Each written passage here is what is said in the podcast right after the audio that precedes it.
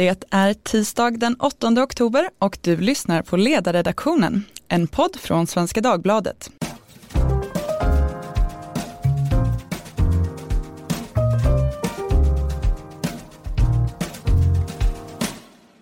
Jag heter Katarina Karkiainen och idag ska vi tala om minusutsläpp. Innan vi drar igång dagens lilla övning så ska jag berätta att du som lyssnar just nu kan läsa SvD Digital året ut utan kostnad. Därefter kostar det bara 199 kronor i månaden och du kan naturligtvis avsluta prenumerationen när du vill. Så gå in på svd.se kampanj. Men nu ska vi som sagt prata om minusutsläpp det vill säga infångande av koldioxid. Det har lyfts upp av FNs klimatpanel IPCC som en nödvändig metod som behöver användas för att nå klimatmålen. Det som sammanfattningsvis kan kallas för NET, Negative Emission Technologies, omfattar ett antal olika tekniker som vi ska försöka förstå oss på och prata om. Hur fungerar de? Vad finns det för fördelar och nackdelar? Vad skulle det kosta? Och är det här vägen framåt för klimatpolitiken? Med mig i studion för att diskutera det har jag Jonas Grafström, forskare i nationalekonomi på Näringslivets forskningsinstitut Ratio och Luleå tekniska universitet. Välkommen! Tackar, tackar. Vi har också med oss Rickard Nordin, klimat och energipolitisk talesperson för Centerpartiet. Välkommen! Tack så mycket! Och med oss på länk är Mattias Fridal som är forskare i internationell klimatpolicy på Linköpings universitet och även knuten till tankesmedjan Fores. Hallå! Hejsan, hej. Mattias, kan inte du börja med att eh, berätta lite kort, vilka olika tekniker är det vi pratar om när vi pratar om minusutsläpp? Det kan jag göra. Vi har en eh, rad tekniker, från väldigt high-tech till väldigt low-tech och de syftar till att lagra koldioxid på lite olika tidsskalor. En del har mer permanent fokus, alltså lagring, permanent lagring av koldioxid och andra har mer temporär lagring. Och, eh, det är alltifrån återskogning eller att man maximerar upptag av koldioxid i jordbruk och Eh, skogssektorn genom att ändra åldersprofil på skogen eller genom att plöja ner mer halm i åkrarna och sådana här saker till eh, väldigt eh, storskaliga projekt i form av och mer ingenjörstekniska projekt i form av avskiljning av koldioxid på pappersbruk eller etanolproduktion eller ja, andra processer och eh, förbränningsanläggningar där man har biomassa in och kan avskilja biogen koldioxid som man sen komprimerar och transporterar och lagrar någonstans geologiskt. Man kan också fånga in koldioxid direkt ifrån atmosfären och man kan förstärka vittringsprocesser, naturliga vittringsprocesser, att man förstärker dem genom mänsklig aktivitet. Och så. Det finns mängder av olika sätt att försöka fånga in koldioxid från atmosfären som, som lagrar den här på olika tidsskalor. Som jag har förstått det så är det mer av de här eh, ingenjörstekniska lösningarna nu. Ja, man, man läser i, i, i, tidningarna om att eh, men fånga in koldioxid från luften eller direkt vid fabriker som är lite det nya. Det kan man väl säga. Alltså, FNs klimatpanel, du nämnde dem i introduktionen där. När de gör sina klimatscenarier eller sammanställer den kunskapen så räknar man in dels bioenergi eller biomassa med koldioxidavskiljning och lagring som en stor källa för negativa utsläpp eller till negativa utsläpp. Men också jättemycket återskogning så att man liksom får bort den trenden av global avskogning som vi har i världen idag eh, och, och, får upp istället till någon slags återskogningstrend. Då. Så det är två väldigt stora ingrepp i, i hur vi organiserar ekonomin i dagsläget som, som ska till i de scenarierna. Men den, det som kanske diskuteras mest just nu är väl de här eh, eh ingenjörs lösningarna då på stor skala. Vad är det för, bara så att man ska få något slags grepp om det, vad är det för volymer som vi pratar om om man skulle följa eh, IPCCs råd? Det låter som ett storskaligt projekt här. Alltså, ja, det är, scenarierna säger väldigt olika saker. Om man tänker sig ett scenario som kan vara illustrativt i ena änden av, av alla scenarier då, så handlar det om att man minskar utsläppen jättedrastiskt genom att alla helt plötsligt i världen blir veganer och att vi minskar vår efterfrågan på, på varor och tjänster eh, på, i väldigt hög skala, att vi effektiviserar våra processer och, och tillämpar förnyelsebar energi och så vidare. Så vi får bort väldigt mycket utsläpp eh, av fossil koldioxid.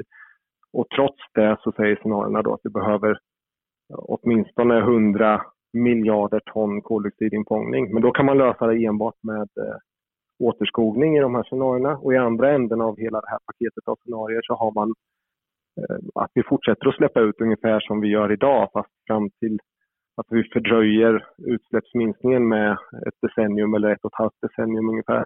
Och då behöver vi mycket mer av den här bio-CCS-lösningen, alltså de här stora ingenjörslösningarna. Och då pratar vi om volymer på ungefär 1000 miljarder ton, alltså någonstans motsvarande 20 000 års svenska utsläpp på dagens nivå. Då. Eh, så det är ju väldigt, väldigt stora volymer. Det är fantasivolymer nästan. Det går inte att förstå hur, hur man i praktiken skulle få till de här.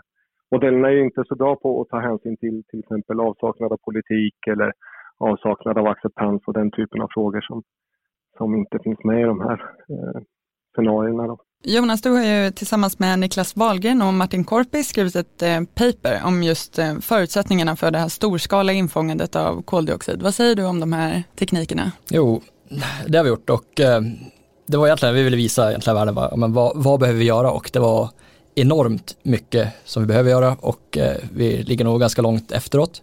Egentligen att fånga in koldioxid är inte nytt i sig. Det var så Neil Armstrong överlevde till månen och tillbaka. Alltså att om du är instängd i ett rymdskepp så du dör om du inte kan eh, fånga in koldioxid. Och eh, precis som eh, Mattias säger, visst skog är det enklaste och bästa förmodligen, men vi kommer inte kunna plantera tillräckligt med skog, så vi kommer nog behöva punktinsamla. Men också förmodligen till och med, för just nu utsläppen ökar i en ökande takt. Det är inte så att vi har vänt utsläppen neråt, så det är ett jättestort problem. Så därför behöver vi alla de här tre, ja, tre, fyra teknikerna och det finns ganska mycket som jag tror kommer hindra implementeringen av det.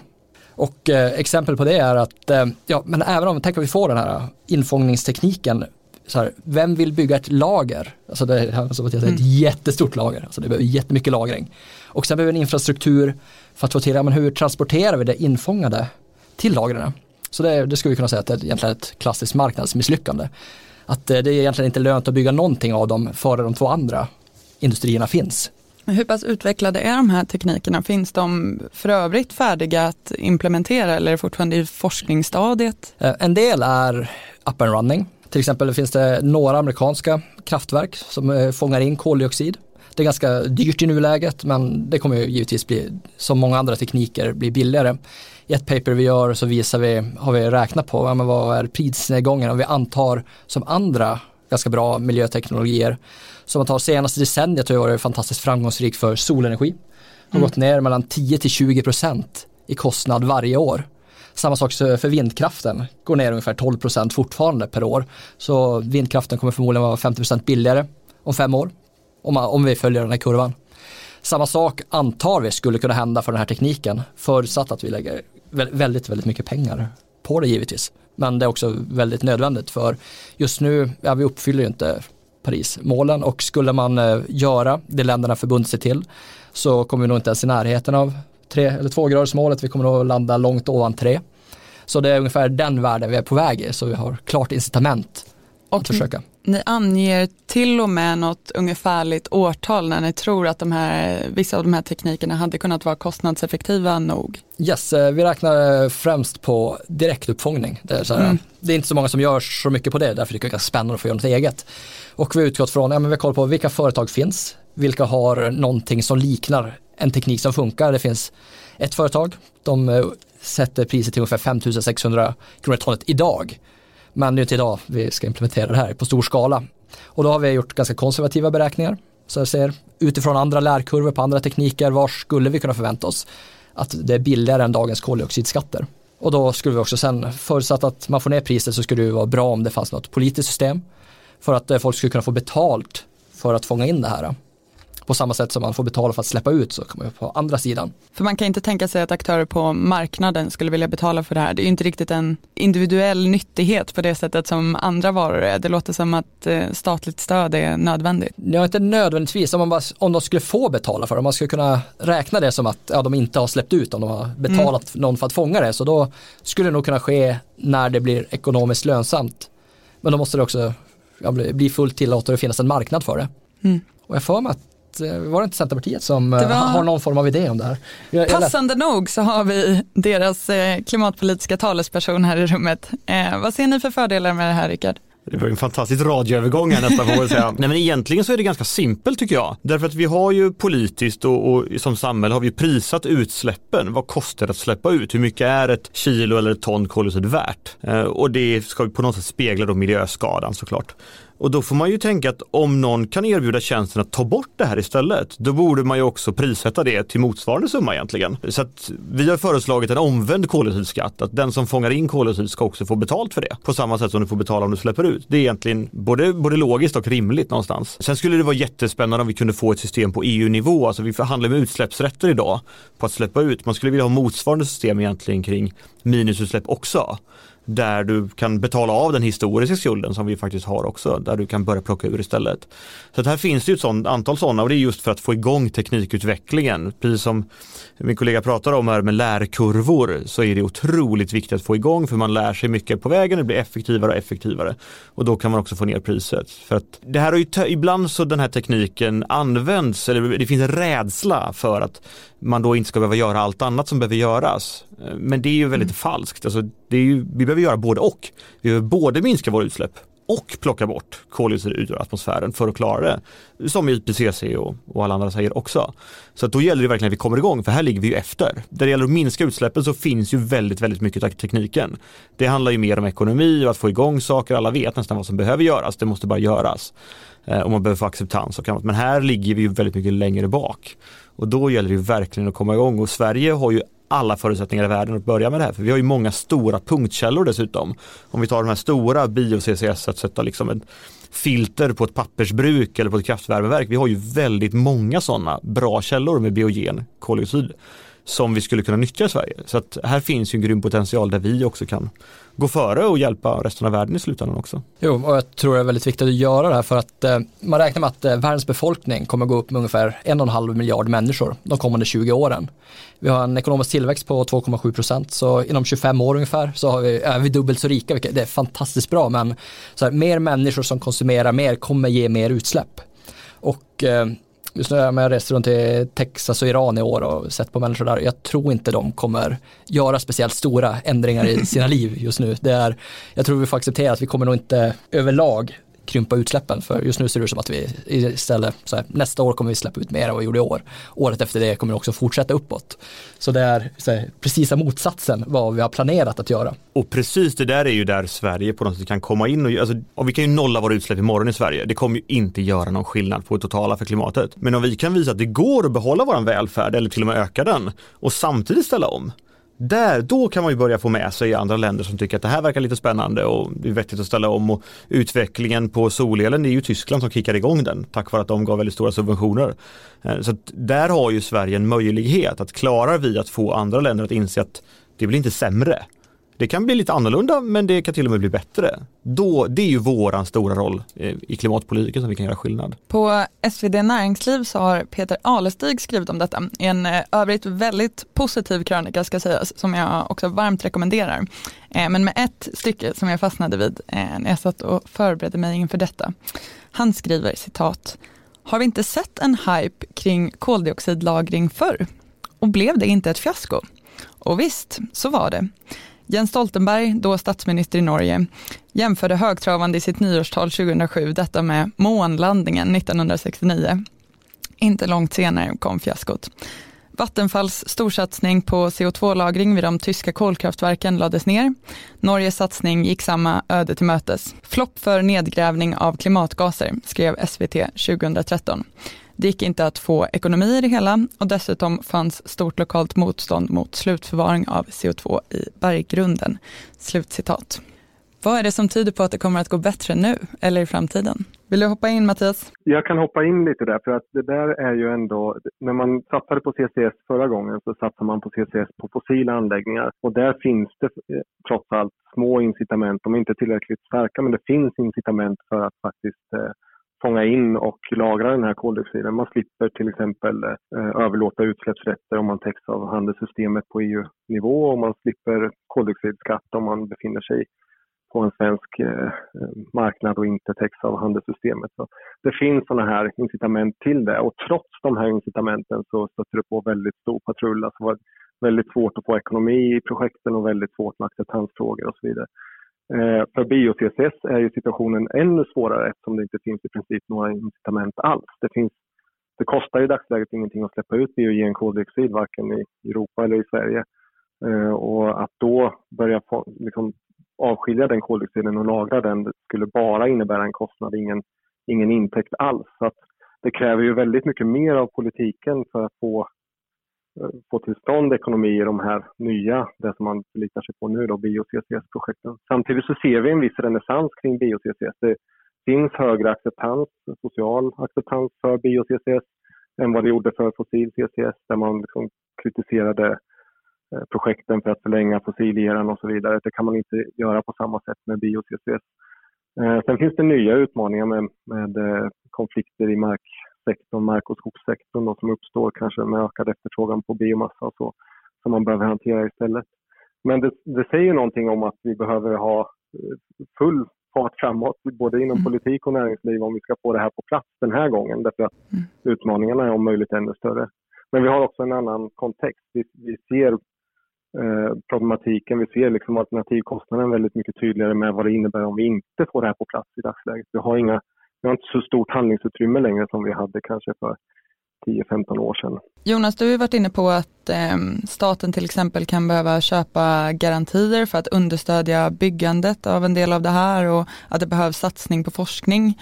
Finns inte en risk här att man, så som politiken ofta gör, satsar allt på en häst och sen upptäcker att någonting annat hade varit bättre eller mer effektivt? Gud ja, det, är, det, det, det, det, det, det har hänt förut och det kommer nog hända igen. Vi har väl lite problemet här att det är som inte en ny iPhone som ska tas fram utan det är att ja, vi har en koldioxidbudget att förhålla oss till, att det är ett verkligt i alla fall jag tror att det är ett verkligt problem om vi släpper ut brutalt mycket koldioxid. Det kommer bli väldigt negativa konsekvenser. Vi har inte så många bra idéer på hur vi ska lösa det. Så här, det är, vi kommer inte nolla utsläppen. Och det här är egentligen så här, ja det är väl ungefär möjligheten eh, till att göra det. Så visst, det kommer bli en eh, massa felinvesteringar. Kommer det ju absolut bli. Mm. Jag är glad att jag inte är politiker på, på grund av det. och man kan väl säga att det här handlar inte om att satsa på en häst. Därför att det är ju många olika hästar i det här loppet. Vi satsar möjligtvis på ett lopp kanske snarare då. Utav flera. Därför att vi, det finns ju många tekniker inom minusutsläppen. Så det är inte bara en del i det. Och det är väl någonting som ändå är lite trygghet i. Och sen får man ju också då tänka alternativkostnader. Vad gör om vi inte satsar på någonting? Och det är ju det som kanske är det största problemet. Att vi man tycker att det är svårt och okänt och därför gör man ingenting. För att det är bekvämare. Det är ju definitivt bekvämare politiskt. Att, för då vet man att då gör man åtminstone inte fel eh, på kort sikt. Sen kan man göra fel på lång sikt. Och det är där man behöver lite politiskt mod att våga gå före. Och det här tycker jag ändå är det är ändå så pass tryggt med forskarvärlden säger att det här behövs på ett eller annat sätt och då måste ju någon försöka. Och där har vi en roll att spela tycker jag i Sverige. Och då behöver ju staten hjälpa till och ta en del av de här in, in investeringskostnader, det kommer ju faktiskt, vi fick ju igenom det från våran del i Centerpartiet i budgeten. Nu finns det investeringspengar men du måste ju också pengar till driften i så fall då. Eh, så att det faktiskt kan rulla på. Mm. Jo och eh, någonstans tänker jag att eh, jag som ekonom kanske skulle säga, ja, visst det vore bättre med en global koldioxidskatt som satte ett pris på det, men jag tror inte det kommer hända. Alltså det, är... det önskar vi väl alla egentligen, ja, det, det är den politiskt våta drömmen i klimatfrågan, men vi får förhålla oss kanske till verkligheten ibland tyvärr. Ja, men att eh, om jag antar att hälften av länderna kommer att försöka göra något åt det, hälften kommer inte göra det, så vi kommer behöva städa upp ganska mycket om vi vill lösa problemet. Men... Det är väl en del, det, det är just det som man som vän av marknadsekonomin gärna vill titta på, att man kan inkorporera både koldioxidutsläpp och koldioxidinfångning i det här systemet och sen låta aktörerna själva välja vad som är mest effektivt. Å andra sidan så vet jag Mattias att du var inne på att det kan finnas eh, nackdelar med sådana här generella system, att det kan finnas tekniker till exempel som inte riktigt är marknadsredo som vore positivt om de fick en snabbare start. Ja, men det, ja precis. Det finns ju för och nackdelar med eh, teknikspecifik styrning och med teknikneutral styrning. Precis som du är inne på Rickard så finns det ju massor tekniker för negativa utsläpp här och en del är ju ganska, alltså man kan få negativa utsläpp till ganska låg kostnad men då kanske volymerna är relativt begränsade och vill vi nu så småningom då ha den här storskaliga infångningen av koldioxid så måste vi nog börja satsa på forskning och utveckling av dem idag för att kunna ha dem på plats om 20-30 år. Eh, och då behövs det kanske ett teknikspecifikt spår i satsningarna på minusutsläpp i, i Sverige och i världen. Eh, men, men det är också det är väldigt viktigt att understryka det som du också nämner Rickard, att det inte är en antingen eller situation här. Vi ska inte satsa allt på vare sig en teknik för negativa utsläpp eller ens allting på negativa utsläpp utan vi måste ju naturligtvis fortsätta med utsläppsreduceringen parallellt med det här. Så att vi, får, så att vi inte glömmer bort att, eh, klimatpolitiken på utsläppssidan står på åtminstone de två benen, både utsläppsreducering och negativa utsläpp. Då. Men sen eh, så, så, på så vis så är det ju viktigt att och, och blanda kanske olika instrument för teknikspecifik och teknikneutral styrning här. Ehm, jag, jag tänker på ett problem med en marknad för, för negativa utsläpp är ju att det är svårt och dels harmoniserar det inte jättebra med eh, existerande klimatpolitik om vi bara skulle säga att det ska kosta att släppa ut koldioxid utan vi måste ju ha som alla har varit inne på här ett system för stöd till upptag av koldioxid och eh, en kostnad för, för fossil koldioxid, alltså utsläpp av fossil koldioxid. Men då är det ju vart man ska, hur man ska finansiera de här stöden för det kan potentiellt sett bli ganska stora volymer. Eh, och där är det svårt att identifiera ett tydligt betalningskollektiv om man säger att till exempel vi skulle ha ett certifikatsystem, alltså ett, en kvotplikt och certifikatshandel som vi har inom förnyelsebar energi till exempel, eh, så är det ganska svårt att identifiera vilka det är som ska ha den här kvotplikten och, och faktiskt betala för certifikaten och så. Eh, och på samma sätt en negativ koldioxidskatt eller en, en, en betalning, en subventionering av minusutsläpp kan bli ganska stora volymer i ett lite längre perspektiv samtidigt som de fossila utsläppen ska ut ur ekonomin, att vi då får minskade intäkter från liksom koldioxidskatten och sådär. Så att det är en del sådana, ett pussel att lägga hur man får till det här på ett bra och långsiktigt hållbart sätt så att det inte möter på patrull i, i olika regeringar framöver. Gud vad jag är glad att jag inte är i politikvärlden eller forskare där. Ja men man får väl komma ihåg också här att ibland så gör vi misstaget att tänka att statens intäkter är statiska och vi ska alltid ta in precis lika mycket skatt. Så jag är ändå liberal och tänker att det vore bra om vi minskar vårt skattetryck lite. Eh, sen tar jag ju hellre in skatt på miljö till exempel än att ta det på jobb och företagande. Men på det sättet så, så får man inte glömma bort och tänka att vi måste alltid dra in precis lika mycket skatt hela tiden. För det är faktiskt inte av Gud givet och alltid någonting gott. Det var kloka ord eh, tycker jag. Tiden går fort när man har roligt och även vårt handlingsutrymme eh, här är så att säga begränsat eh, så att vi ska snart runda av. Men slutligen så måste jag ändå fråga, är det här ett exempel på att man trots allt ska vara optimist? Ekonomisk tillväxt, marknadsekonomiska principer, teknisk utveckling, öppna upp för nya lösningar är ju åtminstone jag benägen att säga när man lyssnar på det här. Ja, absolut. Det jag gillar med teknikutveckling också, om vi faktiskt löser det, om vi kommer på det här. Ja, men teknik, vi kan sätta en pdf-fil och skicka ut lösningar till resten av världen. Är, mm. Om vi nu, ja vi kan ju tjäna massa pengar på det också, men här, det är skalbart väldigt enkelt, så det är ju väldigt positivt. Mm. Och jag skulle säga att det är faktiskt enda sättet att klara det här. Om vi, om vi kan försöka ha en lösning där du minskar den ekonomiska tillväxten eller du tar bort den, så kommer inte andra länder vilja köpa det. Alltså, mm. Det är ju väldigt mänskligt att vilja få det bättre hela tiden. Mm. Och då får vi se till att lösa det och jag är helt övertygad om att det går. För det finns så många positiva sidor med omställningen. Hälso, försvarspolitiken, säkerhetspolitiskt så är det ju fantastiskt att slippa importera olja från Ryssland till exempel. Så det finns jättemånga fördelar här som vi bara måste visa på så kommer vi lösa det. På den eh, positiva noten så får vi säga tack för idag och jag får säga tack så hemskt mycket till Jonas Grafström från Ratio Rickard Nordin från Centerpartiet och tack också till Mattias Fridal från Linköpings universitet. Tack också till er som har lyssnat. Ni får som vanligt jättegärna höra av er till ledarsidan svd.se för frågor eller synpunkter och glöm inte att gå in på svd.se kampanj. Hej då!